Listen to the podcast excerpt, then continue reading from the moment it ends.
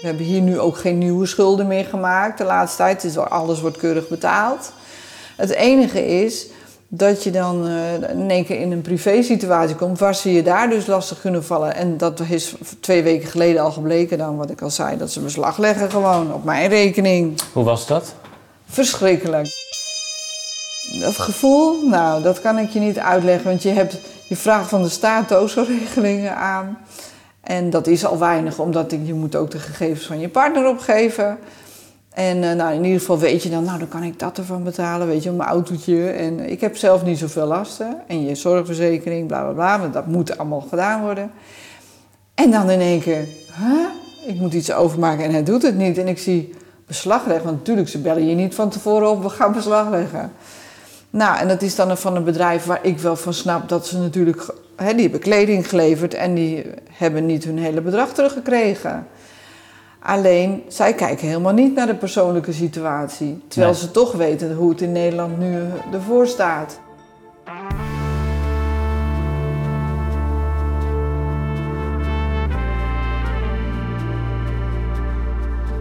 Hoe beleefden zij de coronacrisis? Utrechters met een kwetsbare arbeidsmarktpositie. Hoe verging het hen financieel en emotioneel? En welke hulp kregen ze? Of kregen ze niet? Ik ben Maarten Dallinga en samen met Hugo Verkleij maakte ik voor RTV Utrecht de vierdelige podcastserie Broos. Sinds het begin van de coronacrisis, voorjaar 2020, volgden wij vijf Utrechters. Dit is wat zij meemaakten. Aflevering 3. Blijven lopen. Hallo, met Jacqueline. Begin februari 2021. Sinds een paar weken worden Nederlanders gevaccineerd. Jacqueline's kledingwinkel in Baren is sinds half december dicht. Lockdown. De Britse variant is opgedoken. Veel besmettingen. Er geldt een avondklok. Gisteren was de persconferentie en, en mensen mogen straks uh, ja, kleding afhalen. Februari. Ja, ja. Dus dat is al sowieso fijn. Maar belangrijker, krijgen Jacqueline en haar zakenpartner krediet van de gemeente, zodat ze kunnen proberen te schikken met hun schuldeisers. Heb je inmiddels uh, nog iets uh, gehoord nou, heel over het krediet? Ja? Vanmorgen, echt een uur geleden, want anders had ik jou ook dan straks geappt hoor. Ze is allemaal akkoord en ze gaan in ieder geval dat bedrag, dat krijgen we. Oh. Uh, dus dat is in ieder geval zeker. Eigenlijk waar we zo lang op gewacht hebben, dat bedrag, hè. Het gaat om 12.000 euro. Het bericht neemt de stress bij Jacqueline nog niet weg.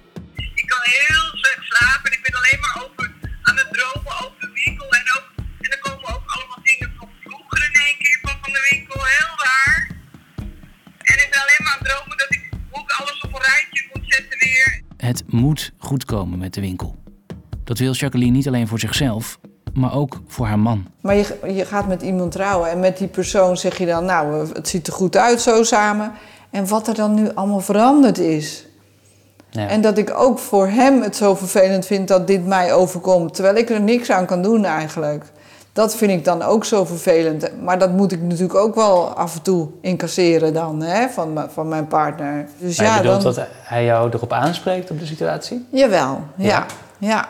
Terwijl ik daar natuurlijk dan eigenlijk ook helemaal niks aan kan doen. Hoe vind je dat dan, dat dat doet? vind ik heel moeilijk. Dat, dat is denk ik nog het moeilijkste van de hele situatie. Klinkt heel raar misschien. Ik maak, wil geen ruzie maken of wat dan ook. Maar het voelt voor mij wel als een soort van spanning... dat ik het idee heb dat ik gefaald heb of zo. Straks verder met Jacqueline. Eerst naar ondernemersstel Donna en Paul. Na opgave van hun kantoorruimte heeft Paul nu een opslagruimte gehuurd op een Utrechts industrieterrein. Goedemiddag Maarten. hey, ik ben er hoor. Zijn mancave noemt hij Ik het. sta voor de deur. Hij heeft er een tijdelijk kantoortje gemaakt. Het is 20 vierkante meter ongeveer. Dus het is op zich geen kleine Een studentenkamer, zeg maar. een, een studentenkamer, precies. Ja. Nou, als je hier binnenkomt, zal ik het een beetje beschrijven. Dan eh, zie je twee, eh, twee kantoorkasten, stalen kast. En daar zit alle administratie in, die natuurlijk ook nog eh, bewaard moet blijven. En de administratie die we dus ook sowieso nu nog moeten doen. Uh, maar ook uh, ja, documentatie van uh, oude projecten, projectfoto's die er zijn. En hieronder allemaal nog laadjes waarin ik voor het eerst van mijn leven alle schroeven heb gesorteerd. Daar had je er tijd voor. Nou, alles, als ik nu iets nodig heb, dan heb ik het laadje tangetjes. En dan zitten ook echt alle tangetjes die ik bezit. En vroeger op die plek had liggen, zitten nu in één laadje. Dat is meditatief en eigenlijk wel ja, het is een soort wonderlijk iets, omdat je daar nooit natuurlijk aan toe kwam. Gelukkig heeft hij zijn mancave. Want het is niet makkelijk om op elkaars uh, lip te zitten, nee. zeg maar. Een paar dagen eerder sprak ik met Donna over hoezeer Paul geraakt wordt door het verlies van werk. En dan gaat Paul tegen mij praten omdat hij zijn ei kwijt wil. En ik ben eigenlijk heel duf, maar ik wil mijn sudoku doen. En op een gegeven moment moet ik tegen hem zeggen van Paul, wil je alsjeblieft stoppen met praten? En um, wat hij heel graag wil is iedere keer wandelen. En ik heb echt zoiets van, niet nog een keer wandelen. Ga ook alleen wandelen. En ik merk dat ik minder dingen samen wil doen. Ik heb heel erg behoefte om mijn gang te gaan, merk ik. Ja. Vind hem passief. En nu is het echt het moment dat hij niks meer heeft. En ik merk dat hij dat heel, heel moeilijk vindt. Dus, Waar merk je dat aan? Dat hij soms ook onbereikbaar is. Er staat gewoon Mariampol ook een bureau. Ja, hier staat de oude vergadertafel, uh, die staat hierin. Uh, dus dat is een heel groot bureau, uh, bureauvlak een ideale werkplek om aan te schetsen en aan te, aan te werken. Veel, veel ruimte. En uh, daar heb ik op dat grote bureau staat een, een grote IKEA-kast met allemaal vakken. En daar heb ik voor het eerst uh, van mijn leven eigenlijk uh, een aantal publicaties. Ik heb heel veel publicaties in de afgelopen 30 jaar over uh, projecten die we hebben gedaan. Daar linksboven? Linksboven staan de letters Trots. Dat is een project geweest voor Algemene Onderwijsbond. Het is een soort bevroren toestand van datgene wat er, wat er was. Dus het is in dat opzicht een stukje verbinding houden of een monument. Ik heb, ik heb het zelf ook in mijn schetsen genoemd memoriekast. Voor die dingen die ik heel bijzonder heb ervaren. Om die ja, op mijn netvlies, op mijn netvlies te blijven houden. Ik voel hier een energie van aan de slag. Ik ga weer verder met, met werken. Ja, dus is, eigenlijk is dit wat je hier allemaal om je heen ziet... Een, een, een continue herinnering aan dat je midden in het leven staat of wil staan. Ja, ja in, mijn, in mijn werkende leven zou je kunnen zeggen. Maar dat is voor een heel groot deel je leven. Dat is uh, absoluut uh, mijn allergrootste deel van mijn leven zo geweest, ja. Hij, hij wordt een beetje met zijn neus op de feiten gedrukt. Dat een soort andere fase in zijn leven is waar hij niet bejaard wil zijn. Dus Paul die wil gewoon volop met het bedrijf weer verder. D dat is gewoon overduidelijk. En hoe is dat om te zien? Ja. Ik vind het triest.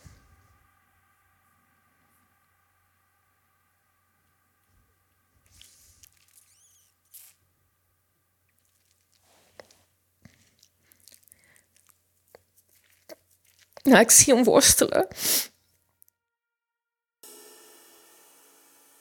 ik, ik zweef daar denk ik tussenin dat ik uh, en zeker wil transformeren naar een nieuwe situatie toe. Uh, maar ik wil ook mijn track record niet uh, vergeten. Nee. Daar, ben ik, daar heb ik heeft vreselijk veel inspanning voor gedaan in mijn leven. En dat wil ik ook bij me houden. Misschien is het dat toch, toch wel, dat je nog één keer de familiealbum of zo doorkijkt. Ja, toen duidelijk werd dat het vaccin uh, zou gaan komen, dacht ik, nou dat is fijn, dan kunnen we weer aan de slag. Toen dacht ik, ja, het is toch heel erg vreemd als het leven pas betekenis krijgt op het moment dat er weer werk gaat glooien.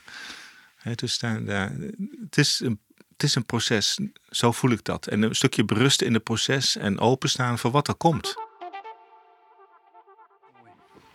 Nou, neem jij maar mee naar de kroeg.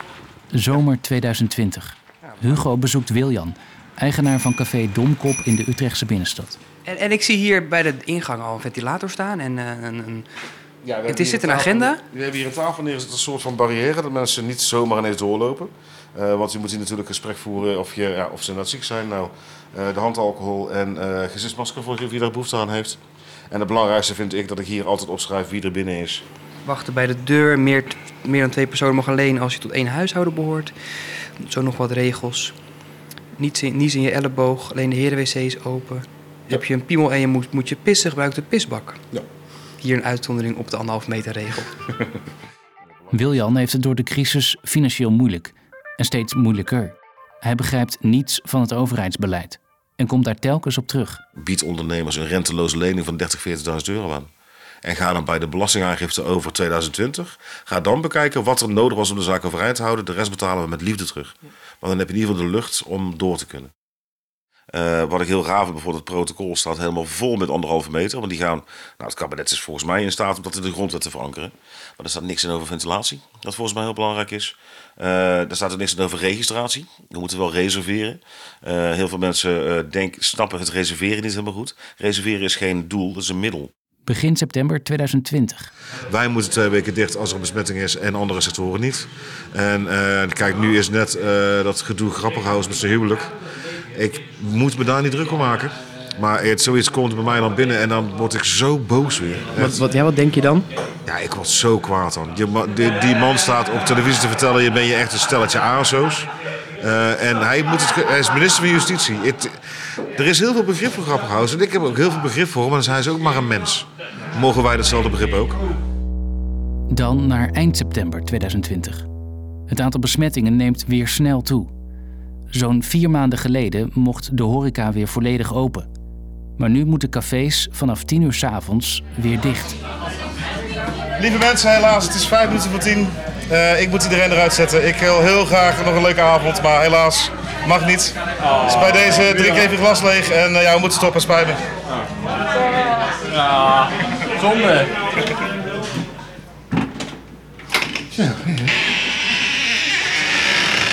Het is nu tien over tien. We hebben net eh, we hebben een verjaardag gehad. We hebben net iedereen verzocht om de tent te verlaten, helaas. De week hiervoor was het al één uur. En wat je nu gaat bereiken met tien uur, is dat de feestjes thuis om half elf beginnen. Koop je nog dingen in? Nee, ik koop helemaal niks meer in. We maken op wat we hebben. Hoe, hoe, sta je er nu eh, eh, financieel voor? Nou, ik heb ehm, nog wel wat reserve. Ik kan her en der nog wel wat lenen, maar het hangt echt van de studentenkast af. Twee, drie dagen geleden heb ik besloten, ik ga loslaten. Ik ga, zodra het kan. Ik heb nu twee nieuwe medewerkers gevonden waar ik heel blij mee ben. Eh, mijn eerste medewerker die gaat er ook vol voor. Eh, ik ga het op welke manier dan ook ga ik voor elkaar krijgen dat ik ehm, eind oktober, november ga ik drie, vier weken weg. Maar, maar lukt Afstand dat? dat? nemen. Dat loslaten, lukt dat ook? Dat, dat moet ik gaan leren, maar dan ga ik al onderdoor. Februari 2021. Ik maak een wandeling met Leroy, de Utrechtse DJ die door de coronacrisis nauwelijks nog werk heeft. Hey. Lang geleden. Sinds een maand woont Leroy, vader van twee kleine kinderen, in een anti-kraakwoning in Koot. Omdat zijn relatie spaak is gelopen. Het is nu wel weer goed, want het wordt wat warmer. Maar het was eh, vooral met die vorige week was het steenkoud. Hè? Ja? Je hebt een gastank en die kun je stoken, maar die shit kost enorm veel geld. Ik heb hem een keer moeten laten vullen en ik moet die rekening betalen. En die loopt tegen Ah, ja. 800 euro. Ja, en als je dan uiteindelijk gewoon ziet dat je nu al bijna de helft van, dat, van, die, van de... Je, je stookt haast voor buiten, zeg maar. Ja, nou op een gegeven moment denk ik ook, ja, nou, dan, dan, ik, ik zet de dingen ook extreem. Ik, bedoel, ik ben op een gegeven moment een soort bijna paranoïde, loop ik door het huis. Oké, daar, daar hoef je niet te zijn, daar de kachel uit. Maar wat, wat, is dan, eh, wat was je bijvoorbeeld afgelopen maand, maand kwijt dan? Nou, ik bedoel, ik heb eh, de, wat, eh, wat was, inclusief omdat het op een zaterdag was, kon ik voor 50 euro moest ik, moest ik extra servicekosten betalen. Maar omdat het op een zaterdag was, had ik erachter gekomen dat die tank leeg was. Oh, god. Dus het was exclusief BTW, Ja, loop het- ja, ja. was het 790 euro. Weekendtarief. Ja. Maar ja, goed, weet je, kijk, ik vind, weet je, het is vooral naar de kinderen voelt het af en toe een beetje alsof ik, eh, ik denk van, voor, voor Nus was het echt, eh, echt kut. Kijk, ik zelf kan het nog wel hebben, maar mijn, mijn, mijn, mijn jongste die, die kruipt over de grond. Ja. En die grond is gewoon structureel koud. Ja. Oude gevangenis. We zijn aangekomen bij de voormalige gevangenis Wolvenplein, nu een kantorencomplex. Leroy heeft er ook een cel. Ja, dit is een beetje waar ik eigenlijk mijn tijd een beetje spendeer als ik, Ja. als ik ga werken eigenlijk. De wanden zijn van vloer tot plafond Dus, eh, gevuld met LP's en CD's. Oh, sorry. Dit is de plek waar Leroy tot rust komt. Waar de buitenwereld buiten blijft. Earth, Wind and Fire. eh, foto's. Ja, zeker. Dat is de beste band ever. hè. Hier staat alles van hun. Nou, laten we kijken. En dan gaat het lichtje ook aan. Mooi is hè?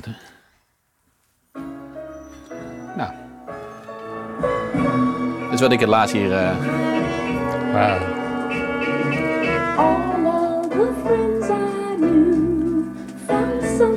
Ja, dat is echt wel grappig, want ik ben ook een, eh, een house dude. En, eh, Het is mooi. maar dit vind ik prachtig.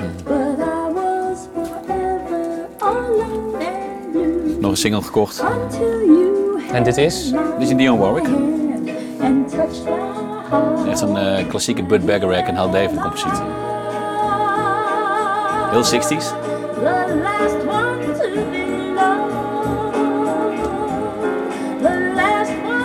En ik heb het ook eh, digitaal, maar echt zo'n vinyl, als ik dit draai van vinyl, voel ik het beter dan... eh Ja? Wat gek is dat. Omdat er als een- waarschijnlijk wat digitaal gewoon platgeslagen is. Je hoort de kraakjes ook, hè? Nee, dat is niet. Het is, de ma- het is met de mastering te maken. Maar dat is dan Doet eigenlijk... het je ook je eigen zorgen dan even vergeten? Oh ja, maar ik... eh, ja, zeker. Dat doet muziek wel met je. Ja, ja ik kan eh, zeker als ik eh, dingen draai die ik zelf wel fijn vind. Hoi Maarten.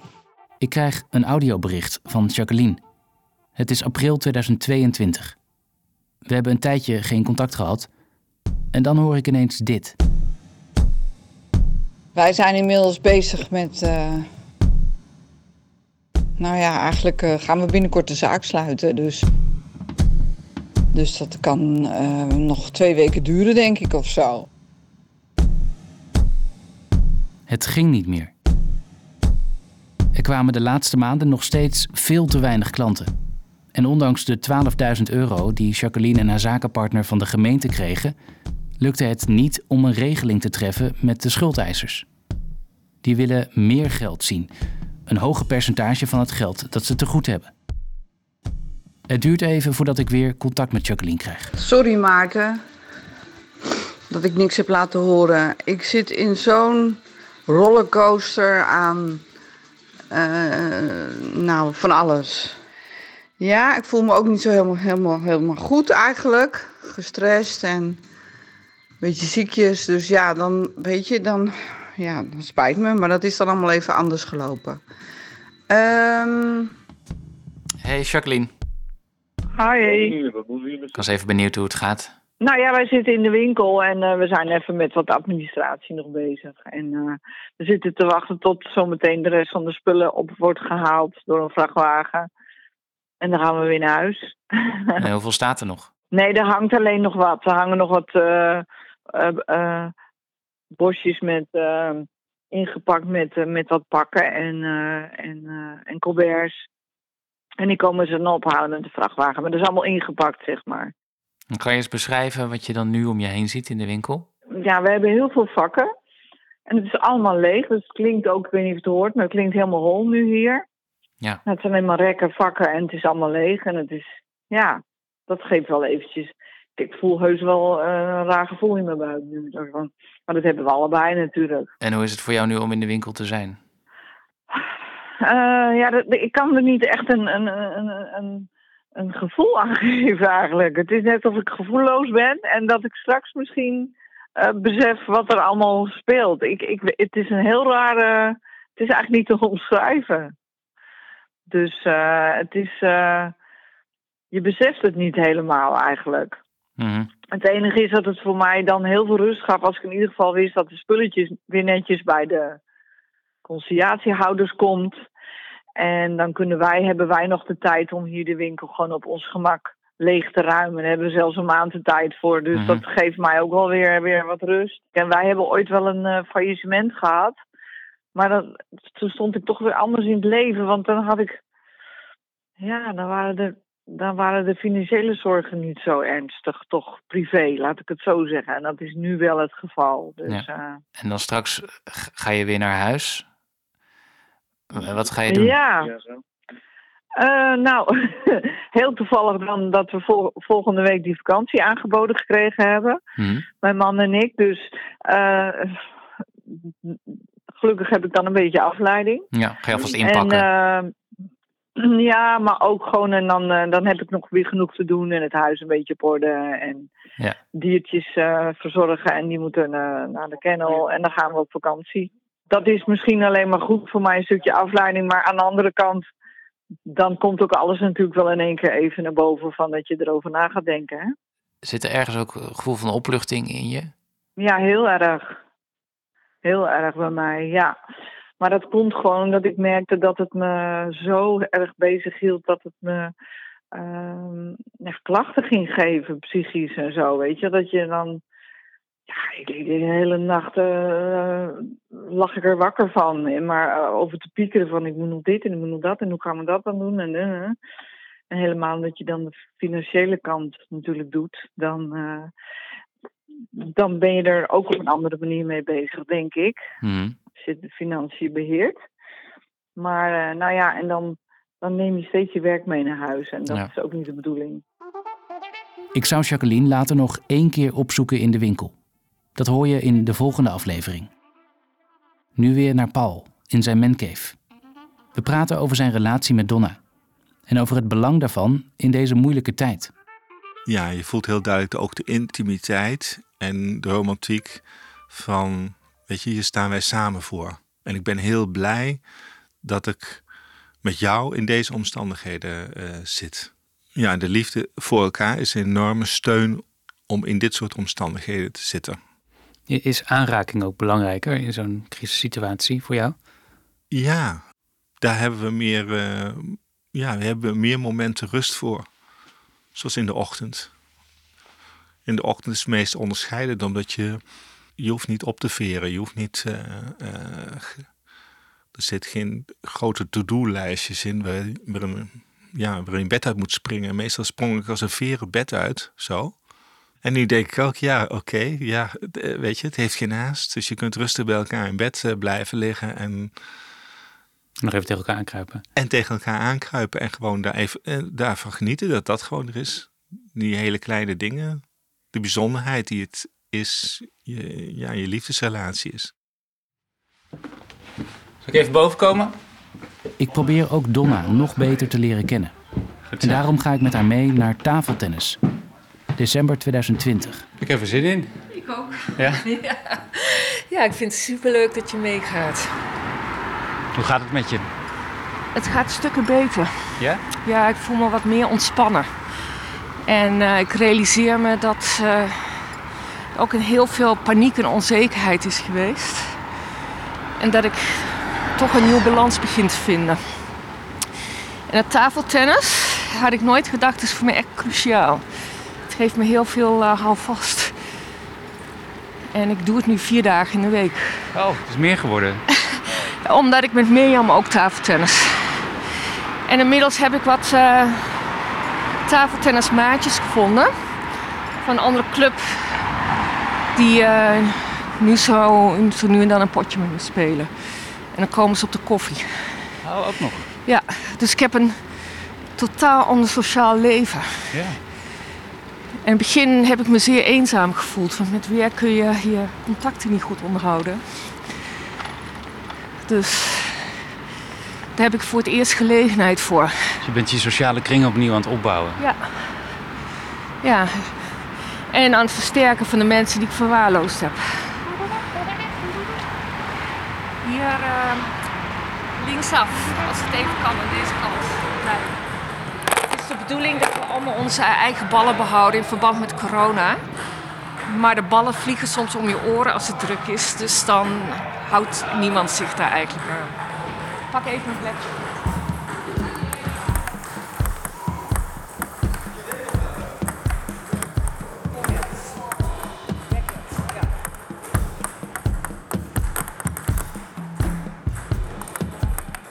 Hoe voelt het om uh, even te hebben getafeltennist? Het ontspant me altijd enorm. Ja. Dus ik, heb, ik had nooit gedacht dat ik het zo belangrijk zou vinden om uh, te bewegen. Hoe gaat het nu op financieel gebied? ik merk dat we het beter redden dan dat ik verwacht had. Ook omdat uh, Airbnb meer is dan we verwacht hadden. En als het allemaal weer op gang komt, zou je dan ook bang zijn dat je een deel van jezelf, wat je nu misschien hebt gevonden of teruggevonden hebt in deze coronatijd, dan verliest? Jazeker. Ik heb ook met andere tafeltennismaatjes woensdag over gehad van als, als alle hel weer losbreekt, want zo voelt het voor mij als je een project uh, op een gegeven moment gaat doen, dan gaat het tafeltennissen uh, niet meer lukken. Toen zei hij maar, je hebt toch een eigen toko, dus dan, uh, dan ga je toch bepalen wat wel en niet kan.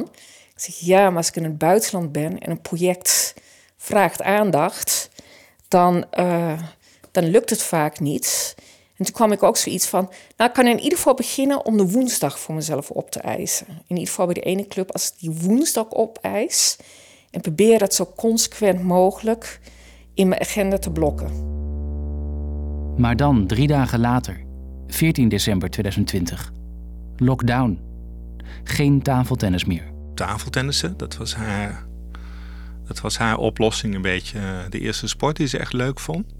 En ja, daar, heeft ze, daar is het heel moeilijk mee. Dat, het, dat, dat, dat dat nu weer als structuur ingestort uh, is. Waar merk je dat aan? Verdrietig, uh, instabieler, ge gevoel, uitzichtlozer. Ze heeft ook al ontdekt dat ze, uh, dat ze het op een of andere manier nodig heeft om eigenlijk altijd aan te staan. Om altijd in die alertheid te zitten. Dat heeft ze haar hele leven gehad. En dat is voor mij een heel herkenbaar probleem dat ik dat eigenlijk ook altijd heb. Zinloosheid van alles. Het is een soort vegeteren voor mijn gevoel. En dat vind ik een heel, heel onprettig gevoel. En heel confronterend dat ik me weer zo voel. Want dat heb ik heel lang niet meer want het ging gehad. Juist, het ging juist heel wat beter. Het ging heel Toen we naar tafeltennis gingen. Ja, en daarna is het ben ik eigenlijk onderuit geroetst. En ik krabbel ook weer terug. Dus ik heb nu een vriendin gevonden, een vroegere overbuurvrouw. En we hebben nu ook wandelafspraken met elkaar. Met Paul gaat het juist wat beter. Een paar weken na het gesprek in zijn mancave. Ik vind dat het nu beter gaat omdat ik gemerkt heb van... Waar ik enorm van geniet is, uh, ik loop 1 à 2 uur in de stad. En uh, nou ja, in het bos hoef je niet naartoe te gaan, dan is hier overal veel te druk. De Singel hoef je ook niet naartoe te gaan. De binnenstad meestal ook niet, want het is ook druk, want er lopen zoveel mensen. Ik loop in verschillende richtingen en dan neem ik een eindpunt. En dan volg, volg ik bijvoorbeeld alleen maar water. Uh, mm-hmm. Dus uh, van gracht naar Singel en zo naar, tot Amsterdam-Rijnkanaal toe. En dan, heb ik, uh, dan probeer ik zo lang mogelijk bijvoorbeeld langs water te lopen of naar, naar een ver punt te lopen.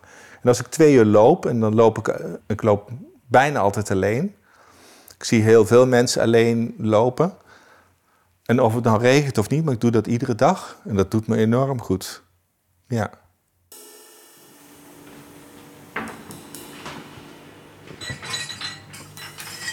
Nou, ik heb wel uh, uh, elementen van burn-out, hoor. Uh, symptomen, heb ik echt wel. En ik heb uh, ook heel veel dagen dat ik gewoon te laat aankom, omdat ik Joh, soms doe ik er een uur over om mijn schoenen aan te trekken. Echt, echt met lood in mijn schoenen dat ik gewoon echt niet meer wil en niet meer kan. Maar zo wordt het nooit een optie. Zo, vond ik zo laf. Weet je, ja. ja. Dan zit ik op mijn bank en dan weet ik dat ik over anderhalf uur open moet. En dan heb ik gewoon zo weinig energie, zo geen zin. Dan zie je ze als een berg tegenop om hier weer te gaan staan.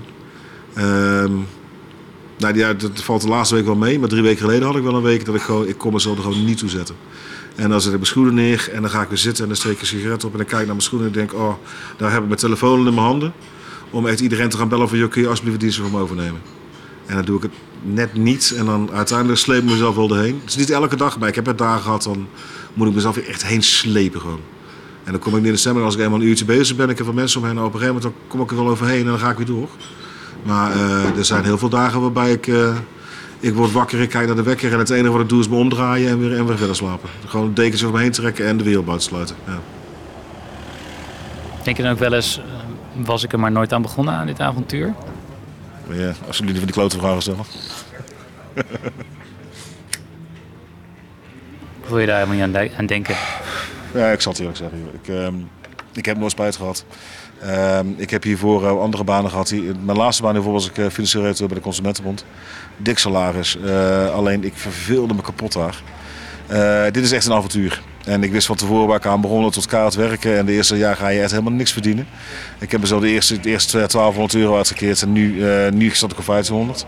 Ja, ik denk dat ik vanaf oktober, als er geen overheidshulp meer komt... ga ik mezelf denk ik 700 euro salaris uitkeren. En dan hopen dat ik het daarmee net red. Ja, het is, maar het is wat het is. Maar sinds die coronacrisis heb ik wel steeds vaker... Het, ik krijg wel steeds vaker het gevoel van... joh, die 36 uur in de week op de kantoor bij de Consumentenbond... voordat ze laatst ook daar had... klinkt me nou wel een stuk beter in de oren. Ja. Ik heb dit nog niet aan heel veel mensen verteld inderdaad. Dat ik niet echt momenten heb spijt. Hebben er niet aan veel mensen verteld. Uh, want ik heb er helemaal geen spijt van. Alleen uh, ja, in deze periode heb ik wel meerdere momenten dat ik denk... God, god, uh, waar ben ik aan begonnen en hoe lang moet ik nog volhouden? Ja. Nou goed, dan moet je gewoon denken. Ja, man.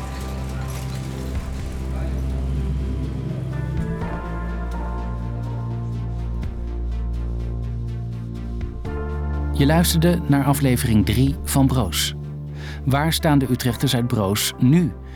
In de vierde en laatste aflevering. Zitten we dan weer? Met gebakken thee erbij. Ja, want we hebben wat te vieren eigenlijk, toch? We hebben wat te vieren. Ik heb voor mezelf zoiets nu even niemand. Deur dicht, even niemand. Ik kan Als de gordijnen hadden gehangen, dan had je die het liefst dicht gedaan. En dan gaan ze me vragen waarom dan. En ook die, jongen, die mannen net van de kringloop, die gingen ook helemaal vragen... wat ga je dan doen hierna? Dan denk ik, ja, weet je, dat, ben ik allemaal, dat weet ik allemaal nog niet. Dat, dat, het is allemaal heel snel gegaan, dus...